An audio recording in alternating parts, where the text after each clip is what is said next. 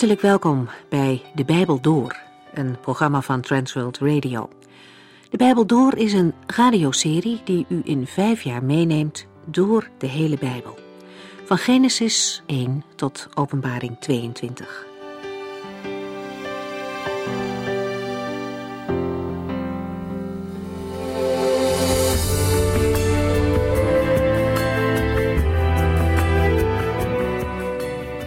Vandaag lezen we verder in Openbaring 21.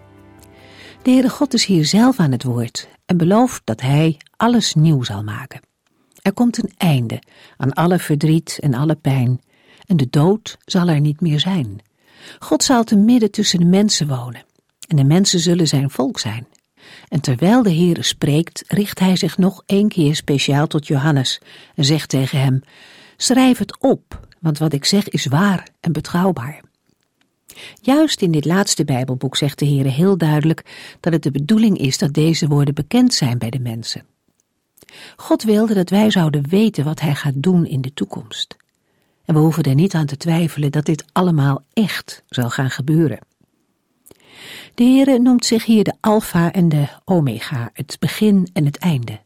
De Almachtige God duidt zichzelf aan als degene die aan het begin en het einde van de tijd staat en daardoor soeverein heerst over de geschiedenis. Deze woorden zijn een geweldige bemoediging voor alle gelovigen die het nu op deze aarde nog zo moeilijk hebben. De beloften van een geweldige toekomst vol zegen zijn voor de overwinnaars, zegt de Heer. Zij mogen leven in vaste verbondenheid met Hem, voor altijd. Met de naam overwinnaars worden mensen bedoeld die stand houden. Het gaat hier niet om degenen die grote dingen hebben gedaan, maar om mensen die trouw zijn gebleven aan de Heere God.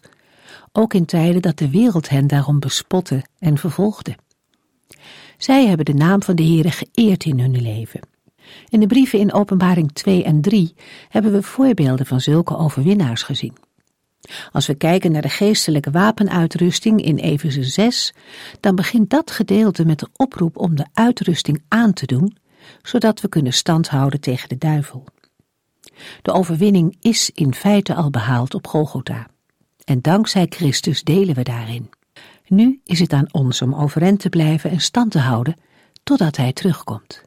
En ook daarin staan we niet alleen. Het laatste gedeelte van Romeinen 8 zegt dat zo mooi. Maar in dit alles zijn wij meer dan overwinnaars, door Hem die ons heeft liefgehad. En, want ik ben verzekerd dat niets ons zal kunnen scheiden van de liefde van God, die is in Christus Jezus, onze Heer. We lezen verder in Openbaring.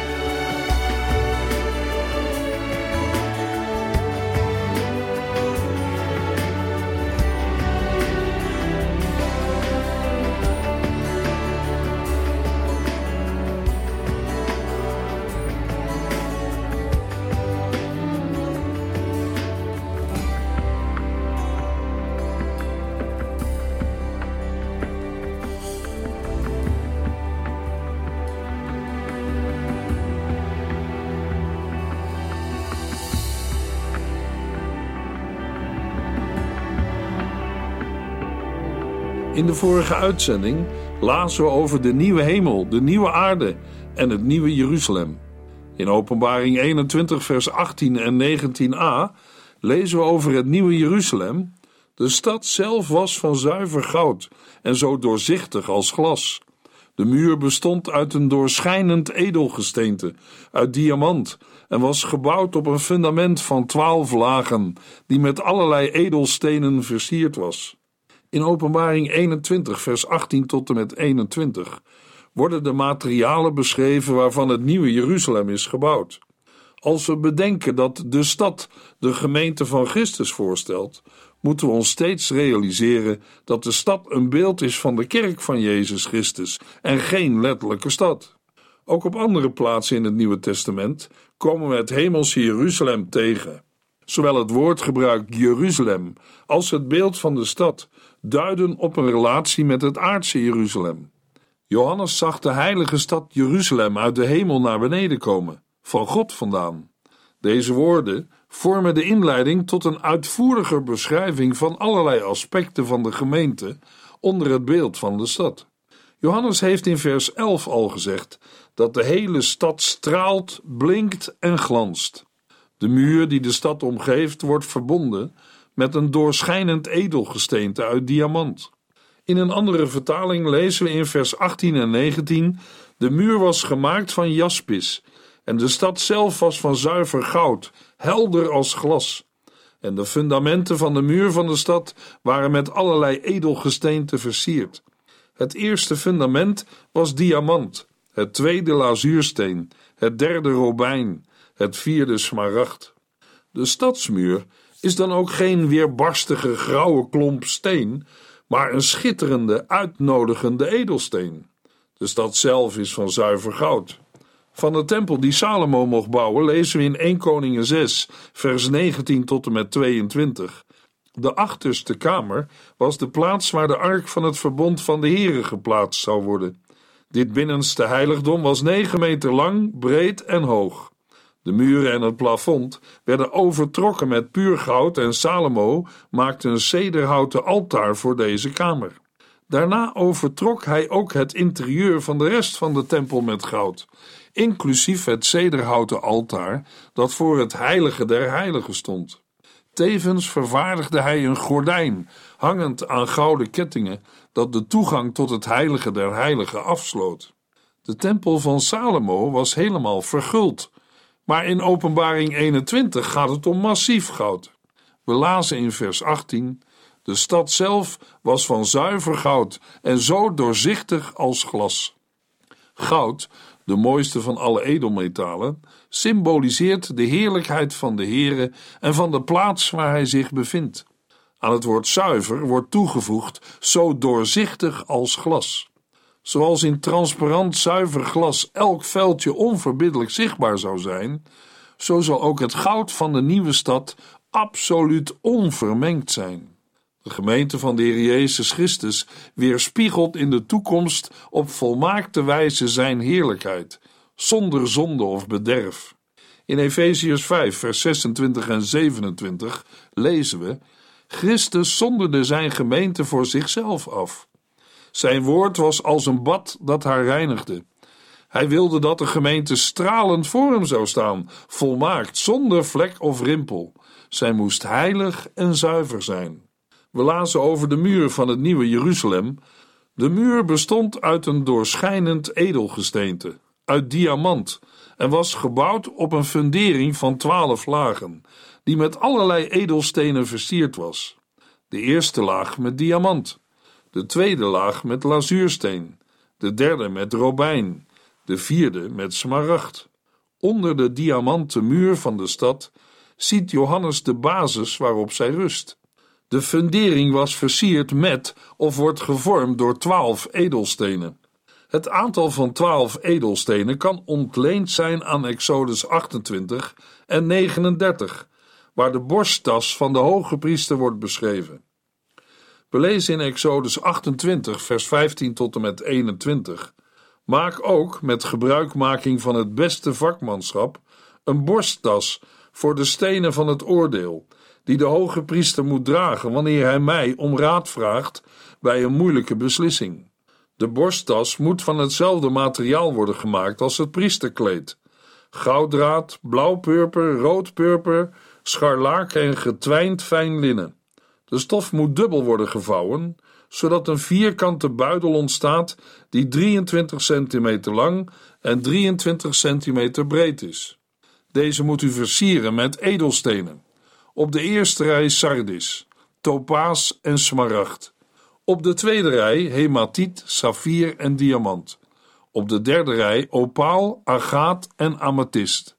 Op de vierde rij chrysoliet, onyx en jaspis. Deze stenen moeten in goud worden gezet. Elke steen vertegenwoordigt een stam van Israël, en de naam van die stam moet op de steen worden aangebracht als een zegel. Gelijksoortige woorden lezen we in Exodus 39. In de borsttas van de hoge priester vertegenwoordigt elke edelsteen een van de stammen van Israël. In de belofte van de Heere dat Israël herbouwd zal worden, lezen we in Jesaja 54 vers 11 tot en met 13. Ach, mijn mishandeld volk, uit het lood geslagen en diep in de problemen. Ik zal u herbouwen op een fundament van saffieren. De muren van uw huizen zal ik van kostbare juwelen maken. Ik zal uw torens van glinsterend agaat en uw poorten en muren van glanzend edelgesteente maken. En al uw kinderen zal ik, de Heere, onderwijzen, en zij zullen grote voorspoed hebben. Over edelstenen lezen we ook in verband met de vergane glorie van de koning van Tyrus. Het is ook een beeld van de schoonheid die verloren ging van een van de beschermende gerubs, engelen van God, namelijk Lucifer of Satan. In Ezekiel 28, vers 11 tot en met 19 lezen we over hem. En de Heere vervolgde zijn boodschap met de woorden: Mensenzoon, zing een klaaglied over de koning van Tyrus. Vertel hem dat de oppermachtige Heere zegt: U vormde het toonbeeld van wijsheid en volkomen schoonheid. U was in Eden, de tuin van God. Uw kleding was bezaaid met waardevolle stenen: robijn, topaas, jaspis, kristal, onyx, turquoise, saffier, hematiet en smaragd. Alle in prachtige zettingen van zuiver goud. Op de dag dat u werd geschapen, werden ze al voor u klaargelegd. Ik benoemde u tot gezalfde, beschermende gerub. U had toegang tot de heilige berg van God. U liep tussen de vlammende stenen. U was volmaakt in alles wat u deed, vanaf de dag dat u werd geschapen, tot op het moment dat het kwaad in u werd aangetroffen. Door uw wereldwijde handel werd u steeds meer besmet door onrechtvaardigheid en zondigde u. Daarom verjoeg ik u van de berg van God. Ik verband u, beschermende Gerub, en tussen de vlammende stenen was niet langer plaats voor u. Uw hart was vol trots wegens al uw schoonheid. U misbruikte uw wijsheid ter wille van uw machtspositie. Daarom heb ik u op de aarde neergeworpen en u hulpeloos blootgesteld aan de minachtende blikken van koningen. Uit winstbejag ontwijde u uw heiligheid. Daarom liet ik vuur opvlammen uit uw eigen daden. Dat vuur verbrandde u tot as op aarde voor de ogen van allen die naar u keken. Alle volken die u kennen zijn met stomheid geslagen door uw lot. U bent een afschrikwekkend voorbeeld. U bent voor altijd vernietigd. In Openbaring 21, vers 18b en 19 lazen we: De muur bestond uit een doorschijnend edelgesteente, uit diamant, en was gebouwd op een fundering van twaalf lagen, die met allerlei edelstenen versierd was. De eerste laag met diamant, de tweede laag met lazuursteen, de derde met robijn, de vierde met smaragd. Terwijl in vers 14 de fundamenten van de muur in verband gebracht worden met de twaalf apostelen van het Lam, wijzen de twaalf edelstenen in Openbaring 21 eerder op de twaalf stammen van Israël. Johannes stelt één voor één de twaalf soorten edelstenen die de fundamenten van de toekomstige stad versieren en noemt hun namen. De waarschijnlijke kleuren van de stenen zijn achtereenvolgens wit, blauw, groen, groen, bruin met wit, rood, geel of groen, zeegroen, goudgeel, appelgroen, donkerblauw en violet. Tezamen vormen ze een schitterend, kleurrijk geheel. Het nieuwe Jeruzalem, de verheerlijkte gemeente, is een uitdrukking van Gods veelkleurigheid. We lezen in Efeziërs 3, vers 10: God wil door de gemeente aan de heersers en machten in de hemelsferen laten zien hoe rijk en volmaakt zijn wijsheid is. We gaan nu wat dieper in op de betekenis van de afzonderlijke stenen. We lazen: En de fundamenten van de muur van de stad waren met allerlei edelgesteenten versierd. Het eerste fundament was diamant of jaspis. De edelsteen die in het Nieuwe Testament met diamant of jaspis wordt aangeduid, is niet zonder meer gelijk te stellen aan onze jaspis, die een ondoorzichtige gele, bruine of rode kwartsvariatie is. Blijkens Openbaring 21 vers 11 is de daar bedoelde edelsteen helder als kristal en waarschijnlijk wit van kleur. De kleur wit komt door de betekenis van het Griekse woord voor kristal. Dat is weer afgeleid van een woord dat de betekenis heeft van bevroren water of ijs. Door de overeenkomsten in uiterlijk is het ook de aanduiding geworden voor kristal of bergkristal. Een kwartsvariant die helder is als water en de indruk maakt van versteend ijs, vandaar de kleur wit.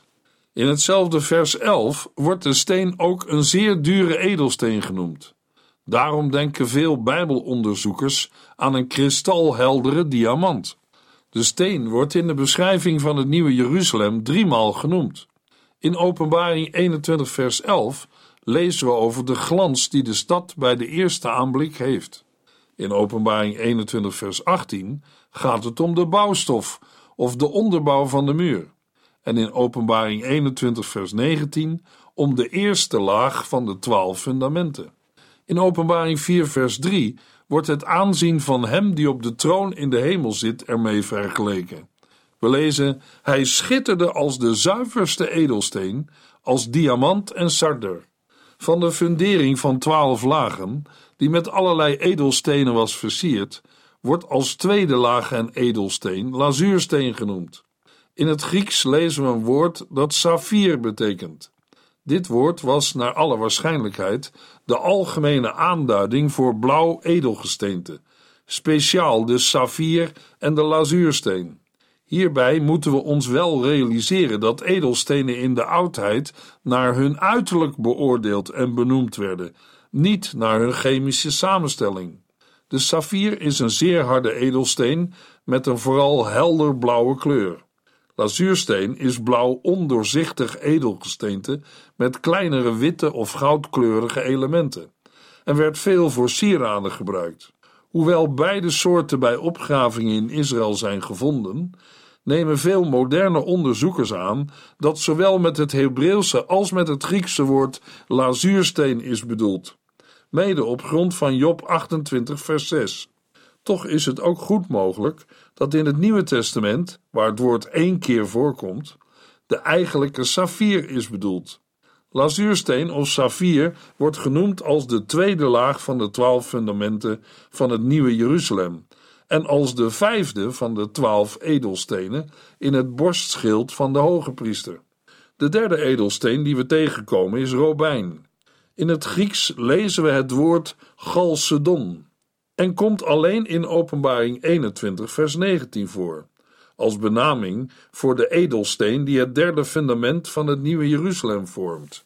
Maar de Latijnse schrijver Plinius de Oudere, die in de tijd van het Nieuwe Testament leefde, spreekt in zijn werk, dat onder meer over edelstenen gaat, ook over een Chalcedonische smaragd, wat zou wijzen op een smaragdkleurige, dat wil zeggen groenachtige steen.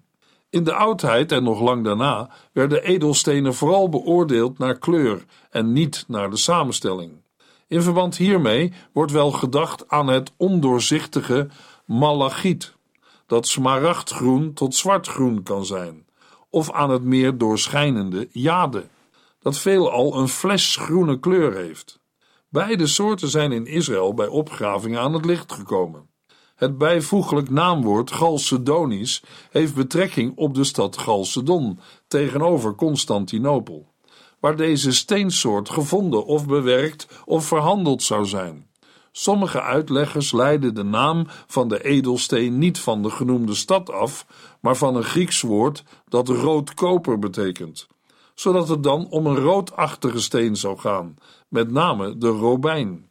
In de moderne edelsteenkunde is Chalcedon de aanduiding geworden voor een grote groep doorschijnende varianten van de kwartsgroep, waartoe bijvoorbeeld ook de algenoemde sardius behoort, net als de sardonyx, de chrysopraas en de gewone Chalcedon, die verschillende kleuren kan hebben, maar vooral een troebel doorschijnend lichtblauw met fijne bandstructuren.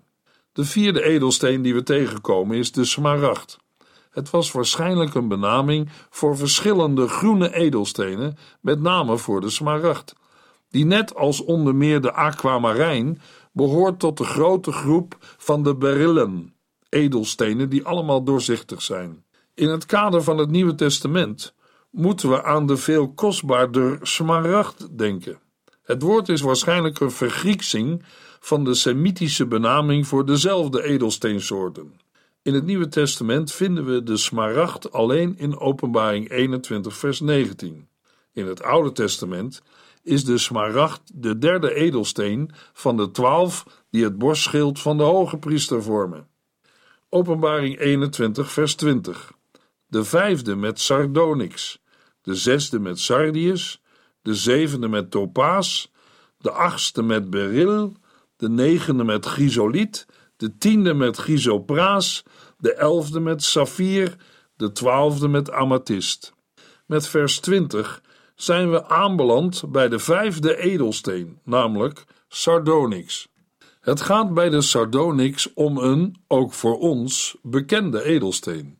Het doorschijnend roodbruin van de sardius wordt afgewisseld met het ondoorzichtige wit van de onyx, die zelf een zwart-wit gelaagde agaat is. Al deze edelsteensoorten horen tot de Chalcedon-varianten van de kwartsgroep. Ook de sardonyx komt in het Nieuwe Testament alleen voor in Openbaring 21, vers 20. Als zesde edelsteen wordt de sardius genoemd. Het Griekse zelfstandig naamwoord sardios betekent sardius. Het is eigenlijk een bijvoeglijk naamwoord met de betekenis bij Sardus behorend, dat verbonden kan worden met het Griekse woord voor steen, lithos. In het Nieuwe Testament is het zelfstandig gebruikt, dus de Sardische steen. Als zevende edelsteen in de fundering van twaalf lagen komen we topaas tegen. Het is de benaming voor een doorzichtig goudgele edelsteen die in de oudheid veel in zegelstenen werd verwerkt. Ook deze edelsteen komt in het Nieuwe Testament alleen in Openbaring 21 voor. In de Septuaginta wordt topaas onder meer genoemd als de tweede edelsteen in het borstschild van de hoge priester. De achtste edelsteen is beryl. En beryl is een zeegroene edelsteen die onder andere ook de fundamenten van het nieuwe Jeruzalem zal versieren. Chrysoliet is de negende edelsteen die we tegenkomen. In andere Bijbelvertalingen lezen we de benaming topaas. Het is de benaming voor een doorzichtige, appelgroen gekleurde, glanzende edelsteen die tot de Chalcedon-varianten van de kwartsgroep behoort. In het Nieuwe Testament komt deze edelsteen alleen voor als het tiende fundament van het Nieuwe Jeruzalem. De edelsteen krijgt ook wel de naam turquoise. De elfde edelsteen is de saffier. In het Grieks komen we de benaming hyacint tegen. Dat is allereerst de benaming van een blauwe bloemsoort. Niet onze hyacint, maar mogelijk de iris of de ridderspoor. Ten tweede is het de naam van een edelsteen die niet verward mag worden met de bij ons bekende saffier, die een oranje-rode tot oranje-bruine circoonsoort is. In de oudheid is hiermee mogelijk de aquamarijn bedoeld, een blauwe variant van de doorzichtige berilgroep. Ten slotte is het woord een kleuraanduiding geworden, namelijk hemels donkerblauw. De edelsteen wordt in het Nieuwe Testament alleen in Openbaring 21, vers 20 genoemd. Amethyst is de laatste en twaalfde edelsteen. Het is een violetkleurig half edelgesteente, een van de twaalf stenen die de hoge priester op zijn borstschild droeg. Openbaring 21, vers 21. De twaalf poorten waren parels. Elke poort bestond uit één parel en de hoofdstraat was van zuiver goud, als doorzichtig glas. Vers 21 is het laatste vers dat spreekt over de materialen waarvan het nieuwe Jeruzalem, de gemeente van de toekomst, wordt gemaakt. De hele beschrijving maakt duidelijk dat de stad er werkelijk schitterend zal uitzien. Zoals vaak in Openbaring 21 wordt ook in vers 21 teruggegrepen op Jesaja 54. In Jesaja 54 vers 12 zegt de Heere, ik zal uw torens van glinsterend agaat en uw poorten en muren van glanzend edelgesteente maken. De twaalf poorten van de stad, die de namen van de stammen van Israël dragen, zijn elk gemaakt van een reusachtige parel. Parels zijn, anders dan edelstenen, van dierlijke oorsprong en op aarde nooit groter dan enkele centimeters. De pracht van de stadspoorten is dan ook voor stervelingen onvoorstelbaar. Een parel geeft het gladde, ronde bolletje aan dat uit parelmoer bestaat en in de schelp van bepaalde weekdieren wordt gevormd. Vanwege zijn schitterend uiterlijk wordt deze op één lijn gesteld met edelstenen en is als sieraad zeer gezocht. Het komt ook beeldend voor in de bekende uitdrukking die we lezen in Matthäus 7, vers 6. Geef de dingen van God niet aan de vijanden van God.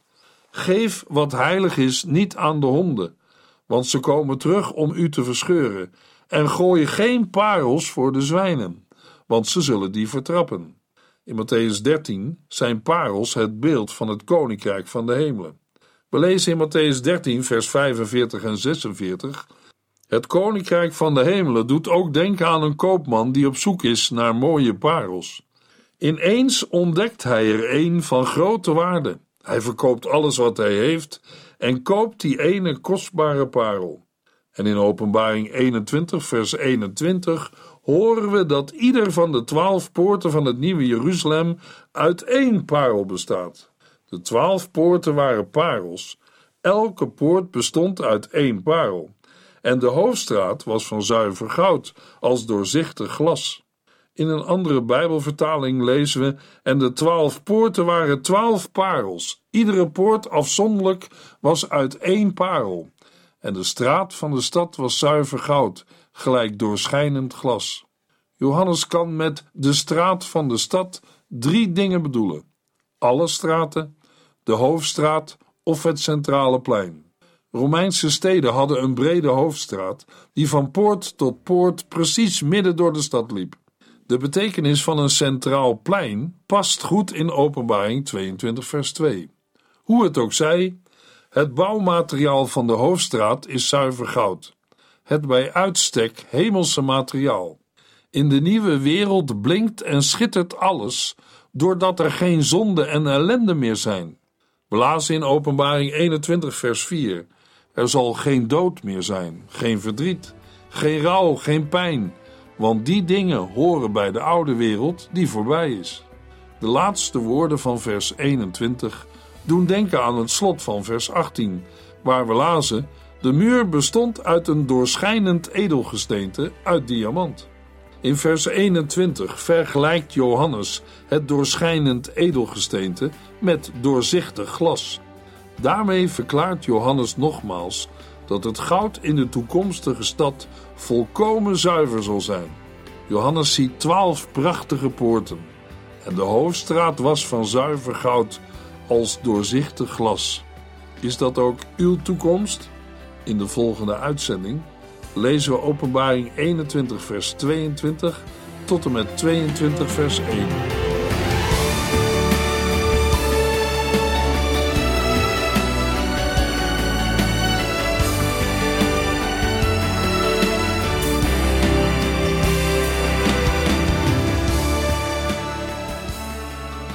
Sinds kort kunt u een USB-stick bestellen met alle uitzendingen en de teksten van de Bijbel door. Ons adres volgt in de afkondiging. U heeft geluisterd naar De Bijbel Door. In het Nederlands vertaald en bewerkt door Transworld Radio. Een programma waarin we in vijf jaar tijd de hele Bijbel doorgaan. Als u wilt reageren op deze uitzending of u heeft vragen, dan kunt u contact met ons opnemen. Tijdens kantooruren kunt u bellen op 0342 47 8432. 0342 47 8432. Ook kunt u een e-mail sturen naar de Bijbel door transworldradio.nl en natuurlijk kunt u ook via de post ons bereiken. TWR, postbus 371, postcode 3770, AJ in Barneveld. Dit programma werd gepresenteerd door Corweda en Ike André. Techniek was in handen van Odin van Woerdenkom. En namens ons allemaal bedanken we u van harte voor het luisteren.